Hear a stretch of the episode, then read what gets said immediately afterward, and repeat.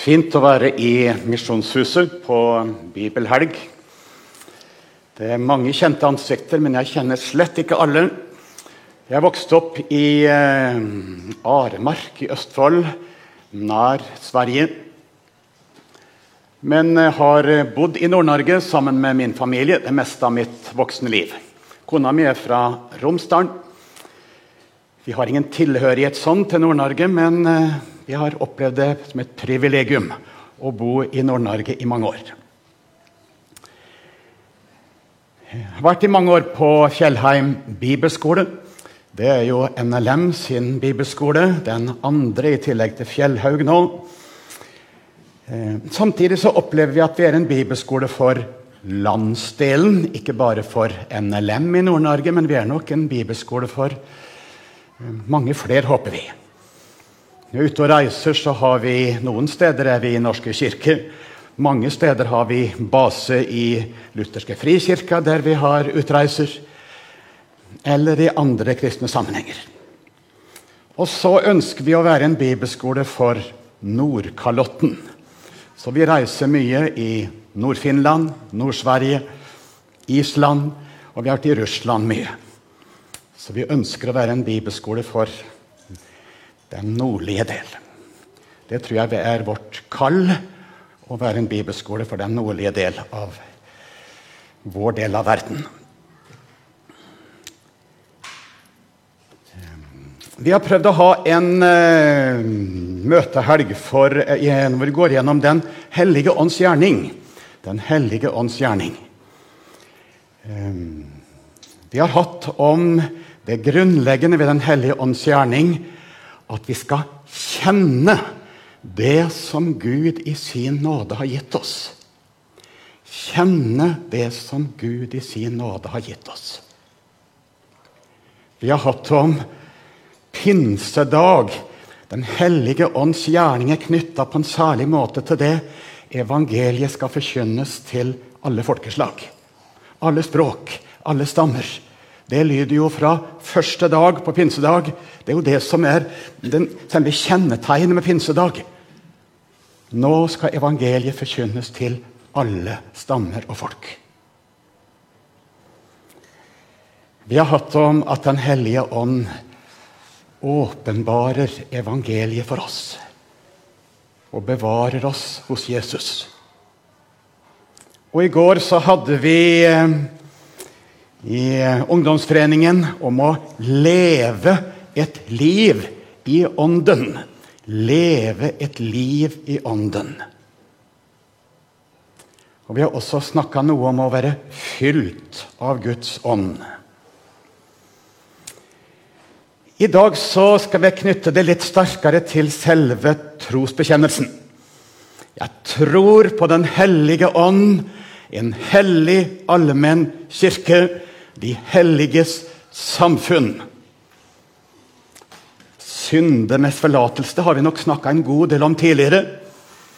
Og I den siste delen etter pausa så skal vi ha om legemets oppstandelse og det evige liv. Har det noe med Den hellige ånd å gjøre? Ja, det har det. Ja, det har det. Det er ikke tilfeldig at også det er tatt inn i trosbekjennelsen om Den hellige ånd. Legemets oppstandelse. Den ånd som vekte Jesus opp fra de døde, skal vekke de som dør i troen på Jesus, opp fra de døde. Legemets oppstandelse og det evige liv. Det skal vi ha i, ha i den siste delen. Som vi håper mange kan være med på. Vi skal be før vi fortsetter.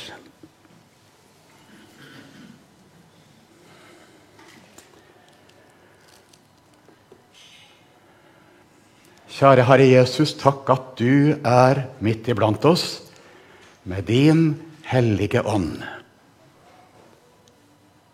Og vi ber om at du må tale inn i våre hjerter. Du får åpenbare hvem du er, hva du gjør, og hva er som er din hellige ånds gjerning. Vi takker for den kristne menighet. Vi takker for Guds menighet på jord. Av alle stammer, av alle folk. Det er ditt mål for verden.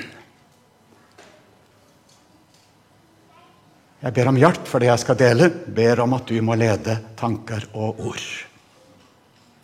Og så får du skape hjerter som har lyst til å ta imot ditt ord. Amen.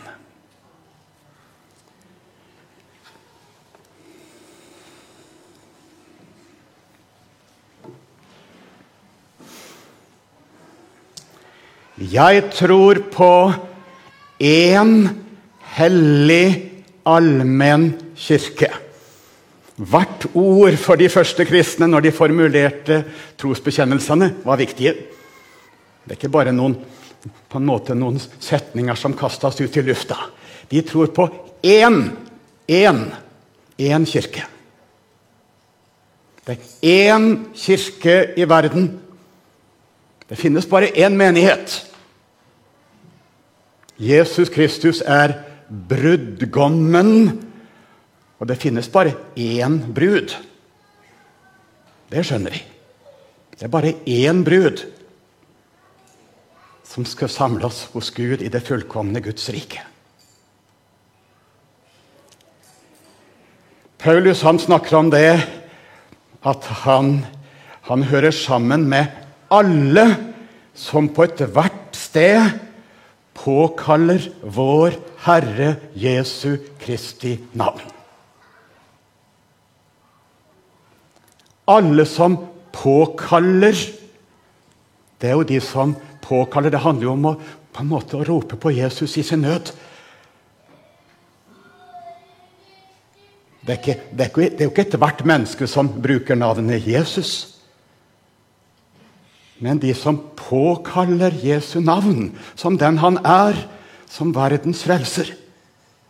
Om de har forstått lite eller mye. Hver den som påkaller Herrens navn, skal bli frelst. Hver den som påkaller Herrens navn, skal bli frelst. Den ene kirke over hele verden, på alle steder hvor de påkaller vår Herre Jesu Kristi navn. Det er et folk av både jødekristne og hedningekristne. Hedning er de som ikke er jøder. Men de er blitt ett folk. Ikke to, de er blitt ett folk. Én brud. Romerne 9, 25. Min elskede, sier, sier, bruker, bruker eh, Paulus som et uttrykk for det Gud tenker om den, denne kirka. Min elskede. Min elskede.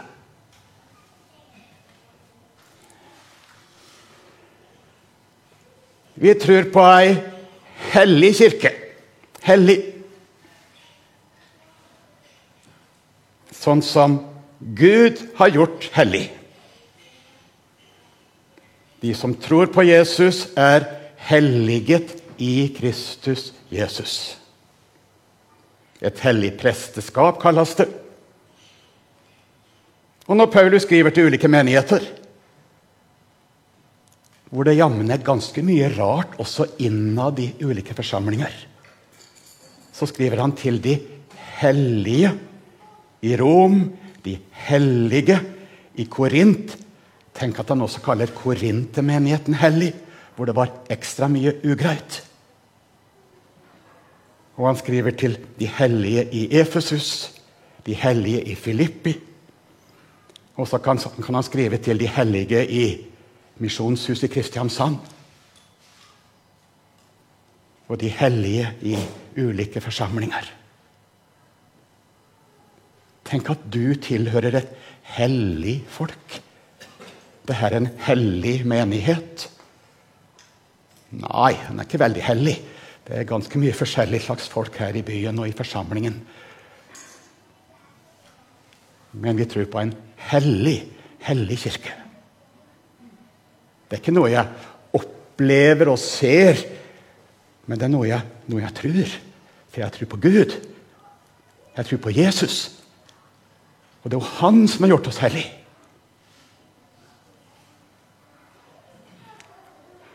De hellige de er feilfrie, ulastelige, sånn som Gud ser på dem. Så sant de er bevart jeg levende sann tru på Jesus Kristus.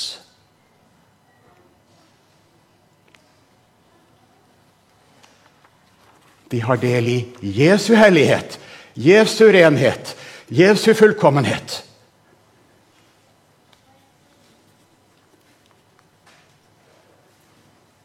Det er jo det det er å være en kristen.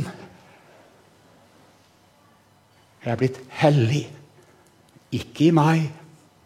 Det er rikelig i meg. Jeg har fortsatt en gammel natur. Jeg har et syndig kjød. Jeg bærer det fortsatt. Men du er hellig i trua på Jesus. Det er jo Jesus som er din hellighet. Det er jo Jesus som er din renhet, fullkommenhet. Ikke hvor langt du har kommet i din kristne vekst. Der er forskjellig.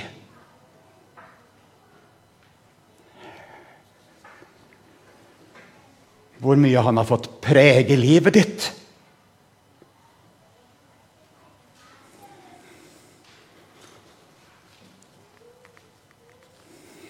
Og så skjønner vi det at det ordet hellig, hellig det sier mer det begrepet 'hellig' i Bibelen det har jo med at de, de ble tatt ut ifra verden.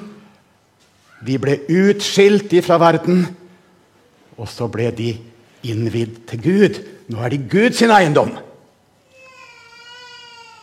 Vi tror på ei hellig kirke.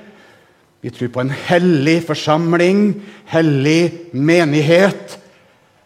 En er utskilt ifra verden.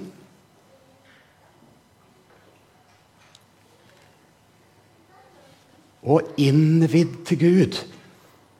Hellig, De blir helliga, da blir de innsatt til tjeneste for Gud. Innvidd til Gud. Denne menigheten her er innvidd til Gud for å tjene Gud i verden. Den er utskilt fra den ikke-kristne verden for å være en særlig redskap for den levende, hellige Gud.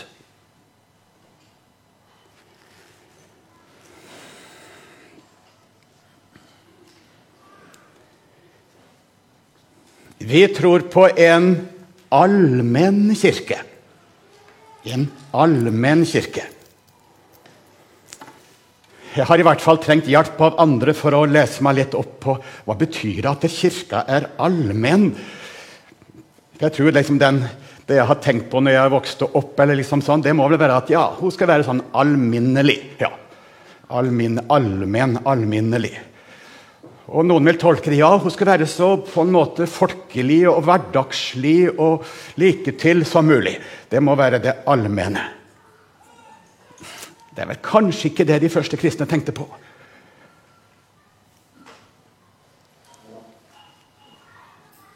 Allmenn, det skal være ei kirke over hele verden.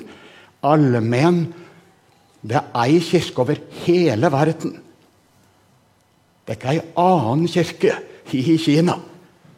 Vi tilhører samme menigheten, samme kirka.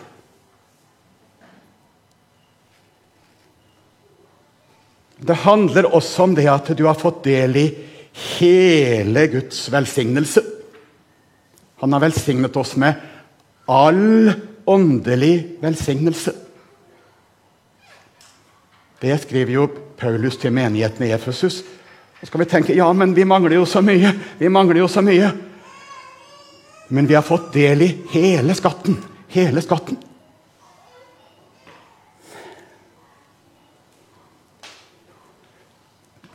Allmenn handler jo også om det at det er en, en menighet, ei kirke, for alle slags mennesker. Vi ser det jo særlig på pinsedag. Gud utgyter sin ånd over, over eh, mann og kvinne, trell og trellkvinne, rik og fattig.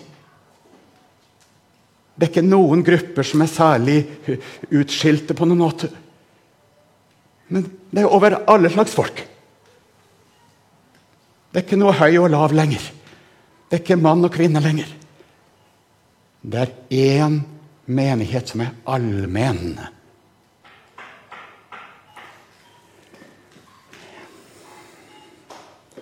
Og det er en menighet, ei kirke til alle tider. Den er allmenn. Det var ikke en annen Guds menighet dypest sett i Det gamle testamentet. Selv om den nytestamentlige menighet blir jo annerledes når han skal ut til alle folkeslag. Men Abraham og Isak og Jakob de tilhørte den samme menighet. Du skal sitte til bords med Abraham og Isak og Jakob, står det. De trodde på den samme frelse. De så fram imot det som skulle komme. De er mine brødre. Og det er brødre og søstre som levde i den gamle pakt. Vi, vi tilhører samme menigheten. De hadde ikke noen annen frelsesvei, de hadde ikke noen annen måte å, å, å komme hjem til Gud på. Det er ei allmenn kirke. De så framover, og vi får på en måte se bakover på det som Gud har gjort.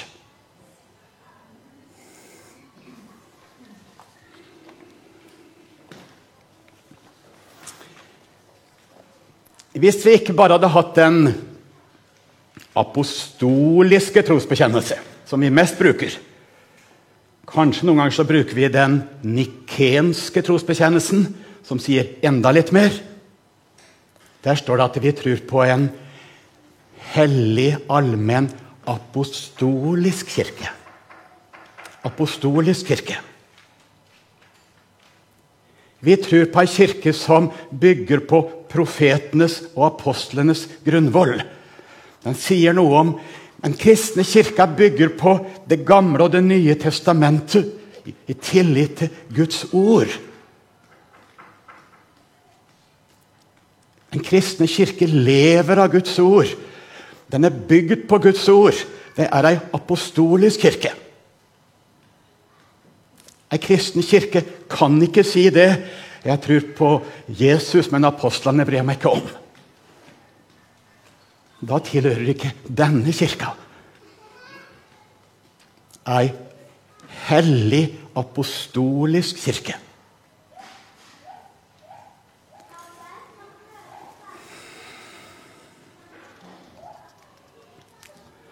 Og så skjønner vi det at begrepet kirke det handler ikke om kirkebygg.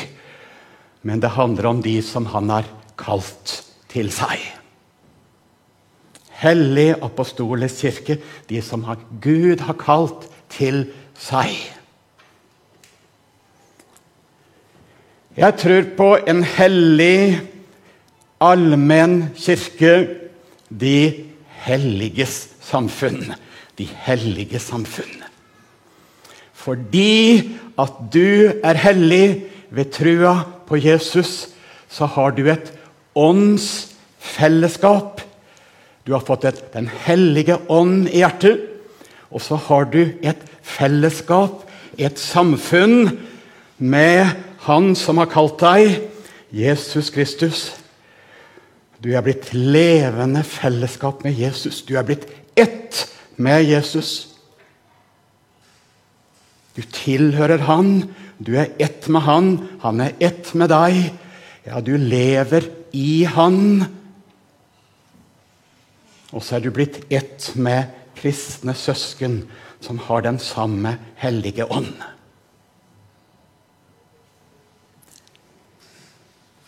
Noen ganger så kjenner vi det sterkere enn andre ganger.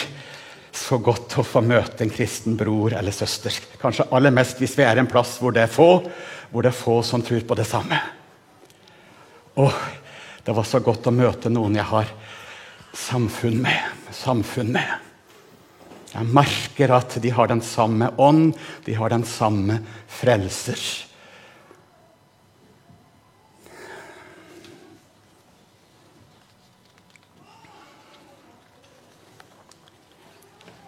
Og Derfor så ber vi også for den kristne kirke i verden.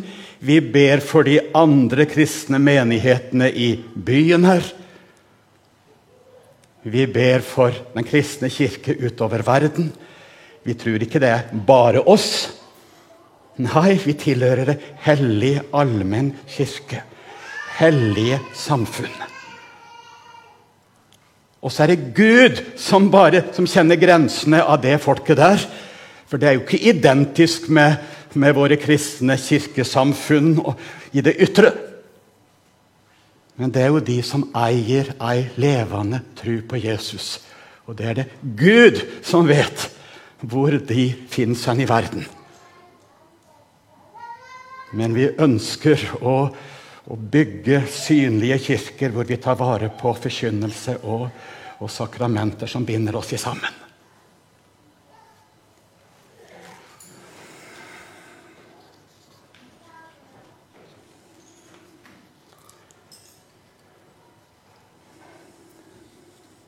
Første går Internett 12, så står det jo det at vi er alle døpt.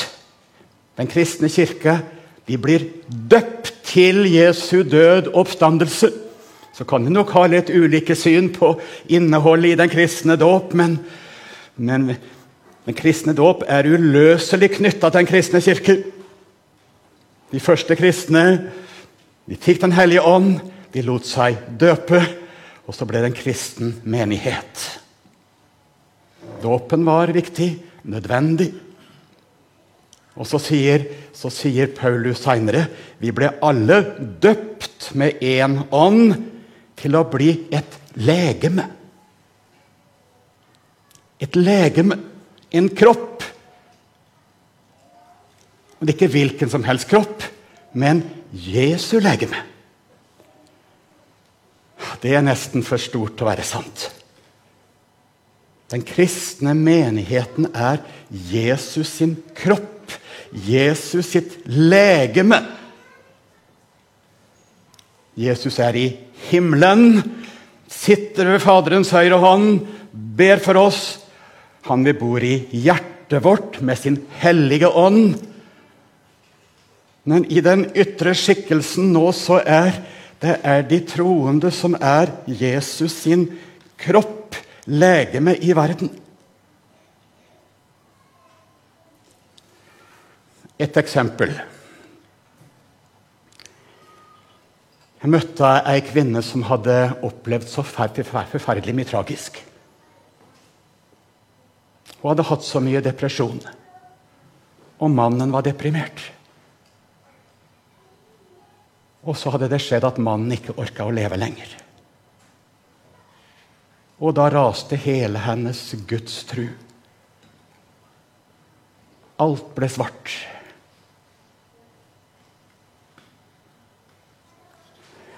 I dag så kunne hun fortelle om at Gud har bevart meg midt i dette. Ja, hvordan har du, hvordan har du møtt Jesus, da? Hvordan har du fått trua på Jesus tilbake igjen?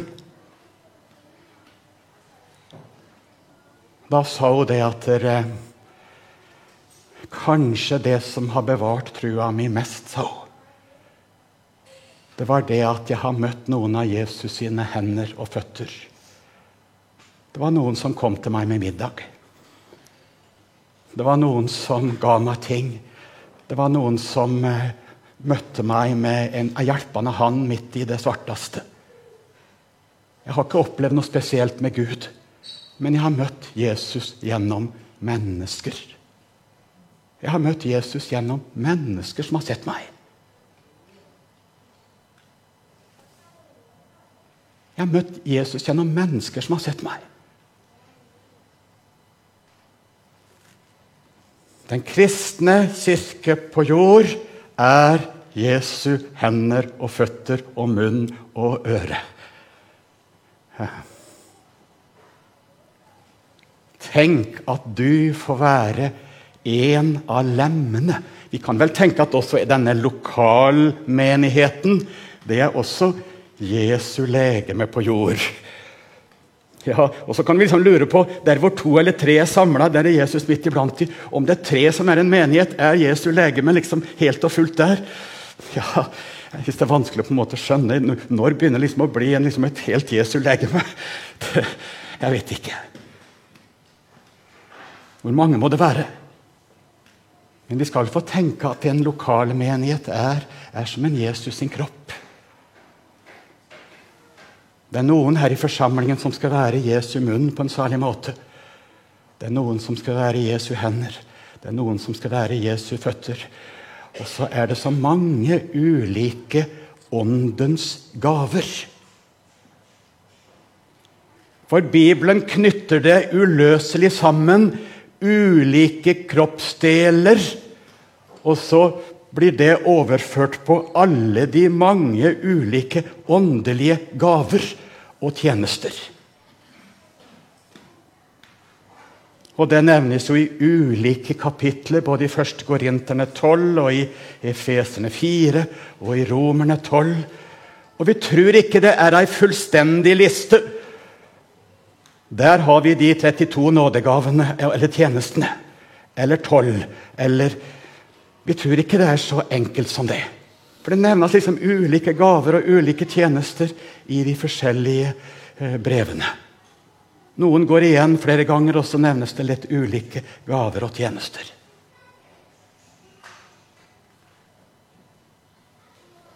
Men det ser jo ut som at det er en uløselig sammenheng mellom å være et lem på Jesu legeme, og at du har en gave og en tjeneste i menigheten.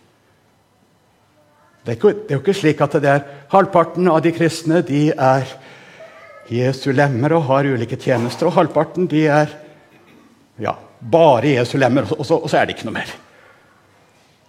Det, det virker som det, det henger uløselig sammen. Er du Jesu lem, har du fellesskap med Jesus, så har du en åndens gave. Som, som, vokser fram, og så har du en tjeneste. På en eller annen måte. Og Det ser vel ut som at det er ikke noe statisk. Den hellige ånd deler ut etter hver sånn som han finner det gagnlig. Sånn som han vil. Åndelige gaver og tjenester kan vel, kan vel endre seg med livet. Du flytter til en ny forsamling, du kommer inn i en ny livssituasjon. Så ledes du inn i en, en tjeneste du ikke hadde før.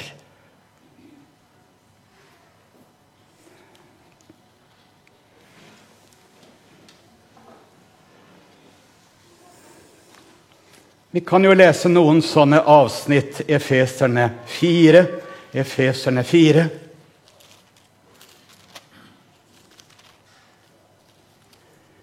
Vers 11. Han er den som ga noen til apostler, noen til profeter, noen til evangelister, noen til hyrder og lærere, for at de hellige kunne bli gjort i stand til tjenestegjerning til oppbyggelse av Kristi legeme.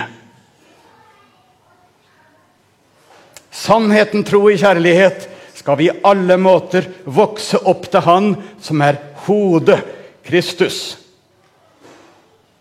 Ved ham blir hele legemet sammenføyd, holdt sammen med hvert støttende bånd.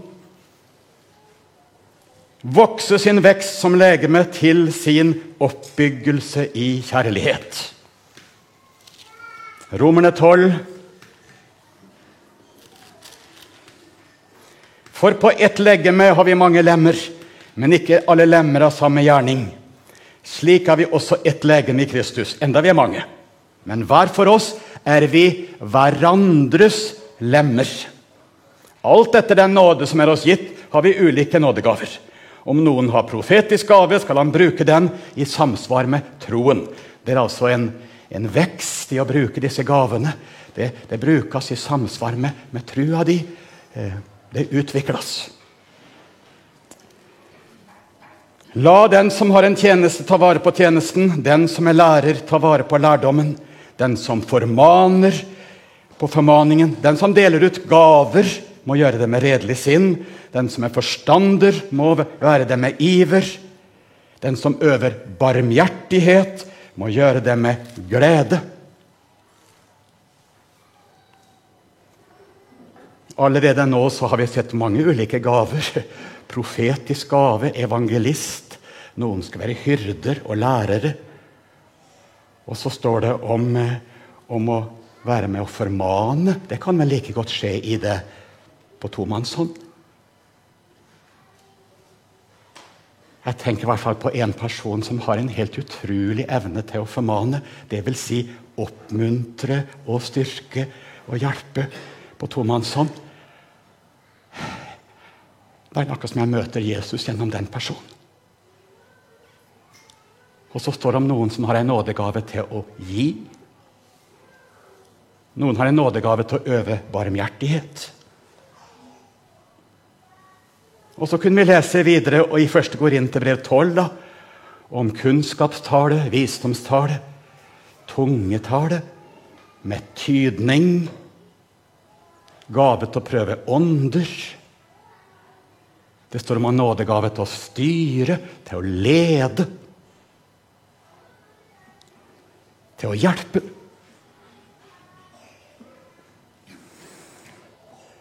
Ja, men eh, hjelpe skal vi ikke alle gjøre det?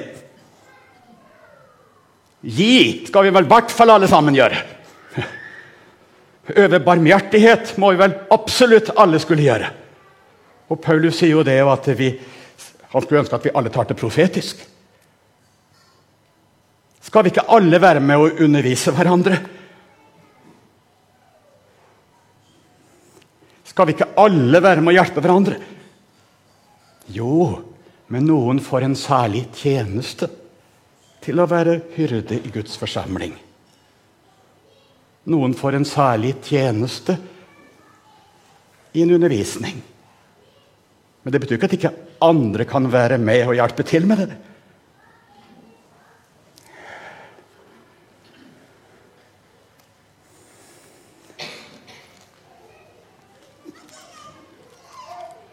Har du møtt noen mennesker som har ei særlig nådegave til å gi? Ja, det har jeg møtt.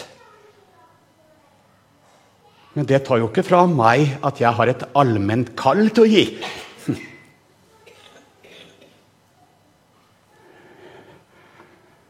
Jeg husker jeg traff ei kvinne en gang. Hun sa det at det der med Hun, hun, hun kjente seg bundet til dette med, med tienden. tienden det som tilhørte Gud, det hadde hun aldri våga å, på en måte, bruke på seg sjøl. Nei, det, det, hadde hun aldri våga å liksom, komme borti. 10% det, hørte, det, det tilhørte Gud. Det var klart. Men så sa hun det etterpå. Men det blir jo altfor lite, sa hun. Det blir jo altfor lite. Så hun ønska å gi så mye mer. For det, det var liksom det, det, ble jo ingenting, liksom. Nei. Hun hadde en nådegave til å gi. Hun ville gi så mye mer, med, med, penger og alt det hun eide, med, med, med, huset sitt som hun stilte til disposisjon. Hun ville bruke alt hun hadde. Skal vi ikke alle ha øve barmhjertighet? Det er noen i forsamlingen her som kan ha en særlig gave til å vise barmhjertighet overfor mennesker som har det vondt.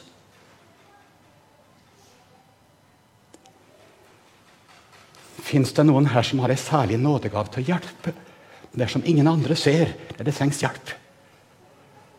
Åh, tenk at vi har noen sånn i en forsamling som hjelper. Som ser hvor det trengs hjelp. Og så står det jo i Bibelen om så mange ulike vitneforkynnende gaver. Og så står det om så mange ulike tjenende gaver.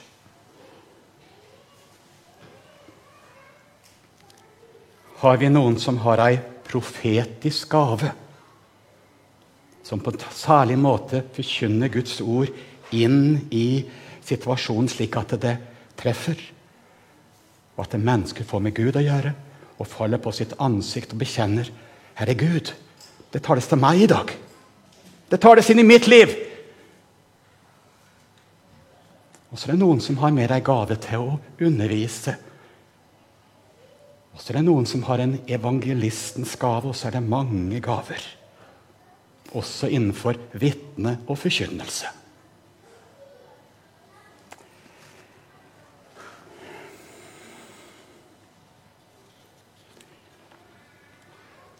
Det er en fristelse, står det i Bibelen, at en kan tenke fordi jeg ikke er eh, fordi jeg ikke er eh, Hva står det for noe? Først Korinterne 12. Du kjenner det? Fordi jeg ikke er hånd, hører jeg ikke med til legeme. Fordi jeg ikke er fot, hører jeg ikke med til legeme.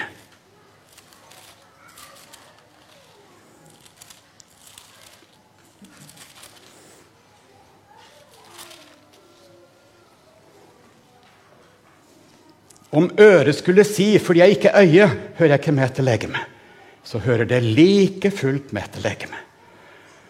Og det, det, er noen her som tenker det er null og niks, det jeg har. Det som jeg har, det er så ubetydelig og så lite. Så sant du tror på Jesus, så er du en viktig del av legemet. Og de andre trenger deg. De andre trenger deg.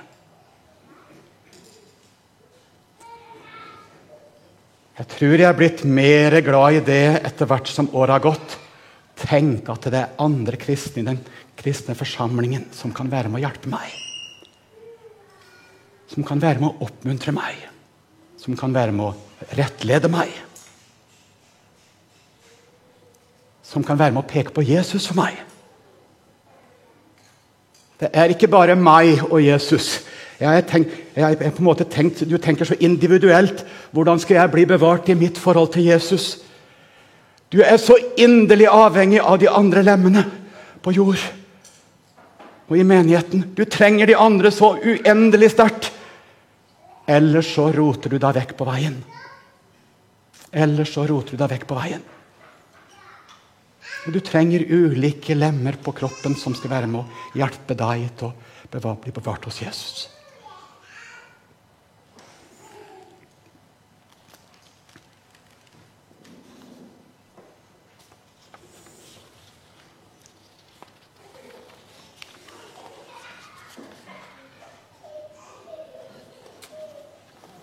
Jeg var på et eh, NLM-møte for noen år tilbake. Etter det var talt, så var det ei kvinne som reiste seg opp. Og så hadde hun et budskap i, med et ukjent språk. En tungetale budskap. Så like etterpå så spratt det opp en mann, og han eh, tolka dette. Og så ble det en utrolig understrekning av noe som var forkynt. Et viktig ord fra Bibelen som knytta oss til Jesus. Som knytta oss til Jesus. Som bygga opp.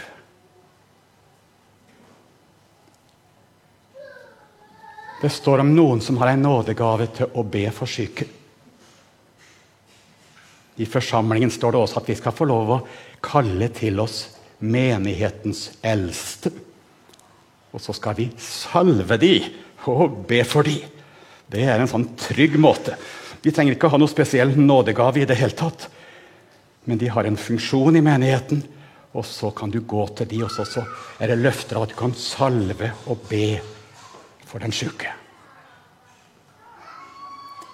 Så fint at det kan brukes i mange ulike situasjoner. Men så kan det være enkeltmennesker eller så som har en særlig nød for den som er syk som har en nådegave til å be for syke.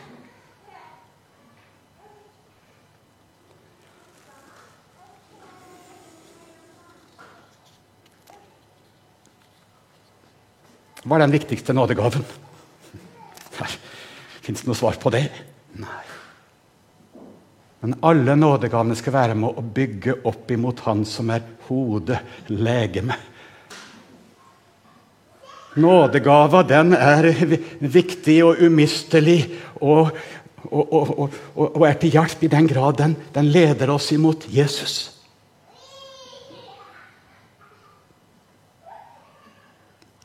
Og I det ytre så kan jo nådegavene fungere, men hvis de ikke er båret oppe av mennesker som har blitt kjent med Jesus og fylt av hans kjærlighet Uten kjærlighet så vil det ikke være noen ting, sier Bibelen.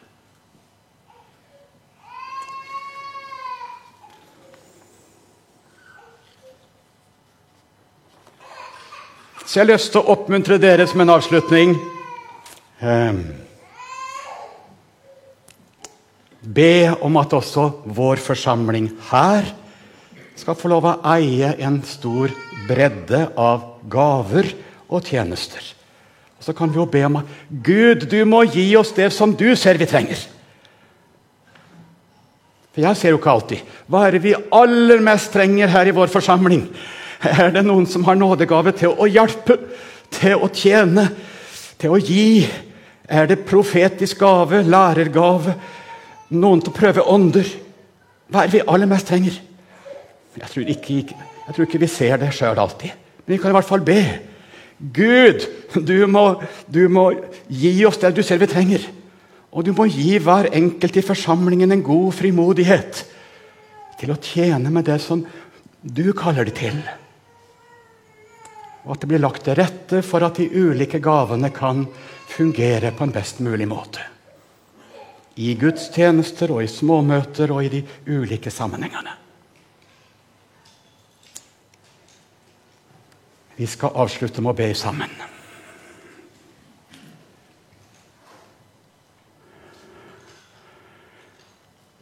Kjære Jesus, vi har lyst til å takke for at du er vår frelser og redning.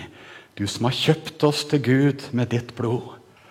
Og så har du kalt oss inn i et åndelig, hellig samfunn med din menighet på jord. Både lokalt og utover i verden. Takk at vi hver enkelt skal få være en av lemmene på din kropp i verden. Takk for de som har en forbønnsgave.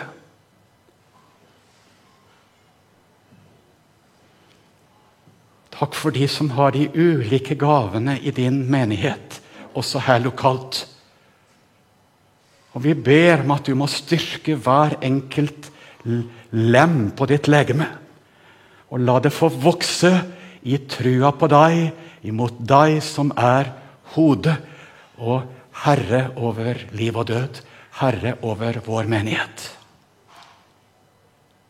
Vi ber i Jesu navn. Amen.